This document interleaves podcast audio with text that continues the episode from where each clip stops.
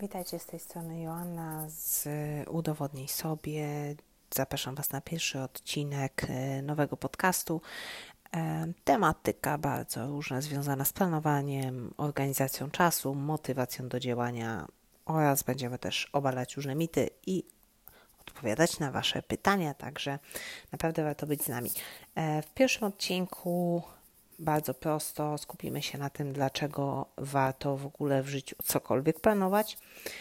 I powiem Wam też kilka słów y, na temat tego, że planowanie wcale nie oznacza rezygnacji z wolności, rezygnacji z możliwości i odbierania sobie swobody, a wręcz przeciwnie.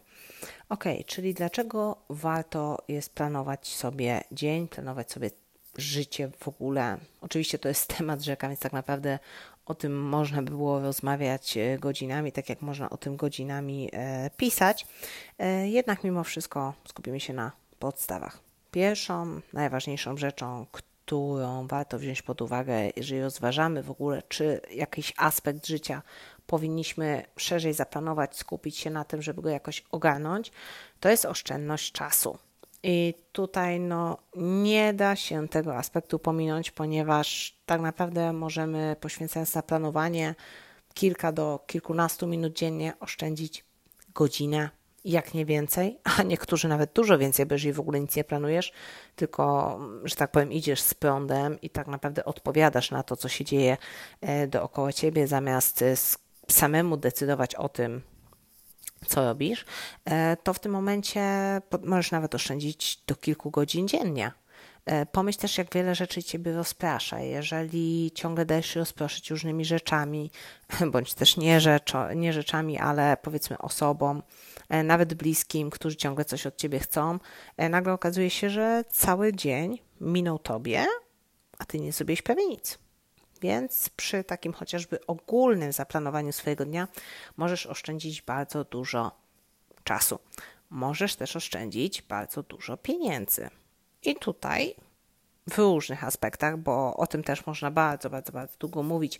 W każdym razie, chociażby planując posiłki, jesteś w stanie oszczędzić sporo na jedzeniu, e, co nie oznacza, że będziesz jeść gorsze rzeczy, będziesz po prostu efektywnie wykorzystywać swoje zasoby, czyli to, co masz w lodówce, e, nie będziesz marnować e, pieniędzy na dojazdy do sklepu po przysłowiowy litr mleka, którego akurat okazało się, że w lodówce nie masz, jeśli chodzi o takie strategiczne planowanie, no to wiadomo, inwestycje to jest temat e, rzeka.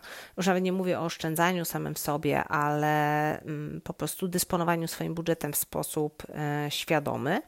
E, co więcej, dzięki planowaniu możesz zyskać pieniądze na swoje przyjemności.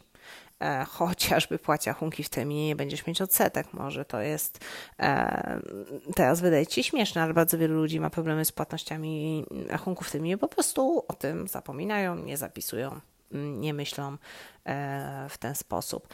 Trzecią ogromną, ogromną korzyścią z planowania jest zdecydowanie wolność, zyskanie wolności. Tutaj tak naprawdę, mm, wbrew pozorom, jeżeli samemu planujesz to, co robisz, czym się zajmujesz, e, to pozwalasz sobie na pewną swobodę.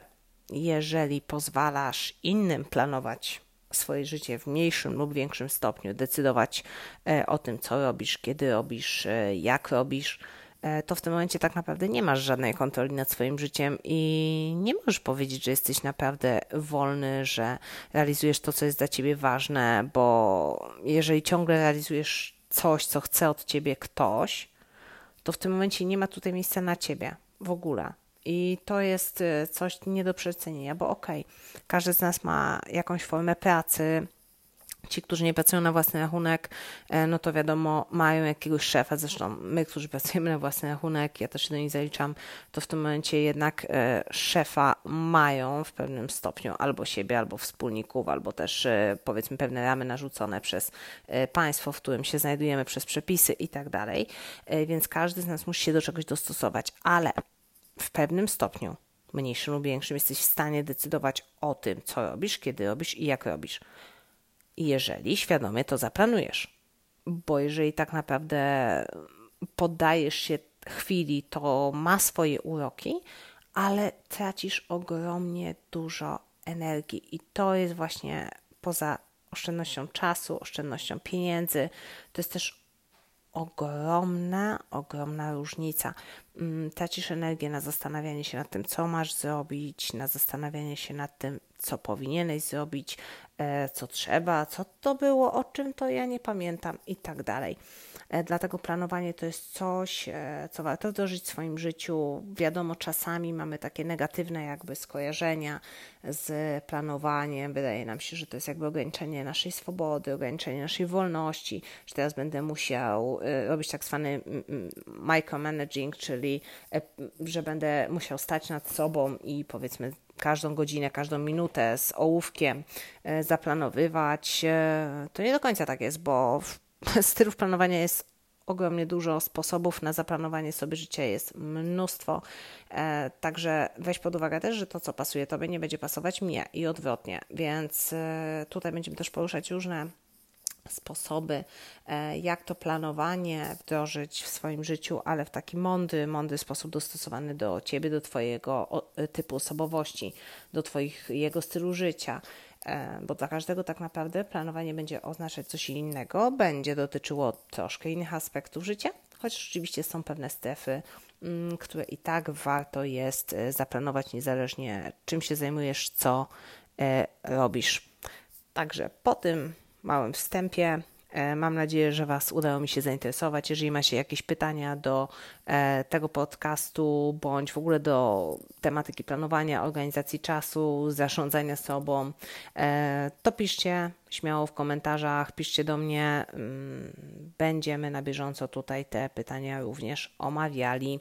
Także zapraszam Was przy okazji na stronę udowodnijsobie.pl, gdzie znajdziecie mnóstwo takich podstawowych artykułów na temat planowania i już takich bardziej zaawansowanych technik e, też. Także śmiało zachęcam Was do subskrybowania kanału i do zobaczenia. Pozdrawiam.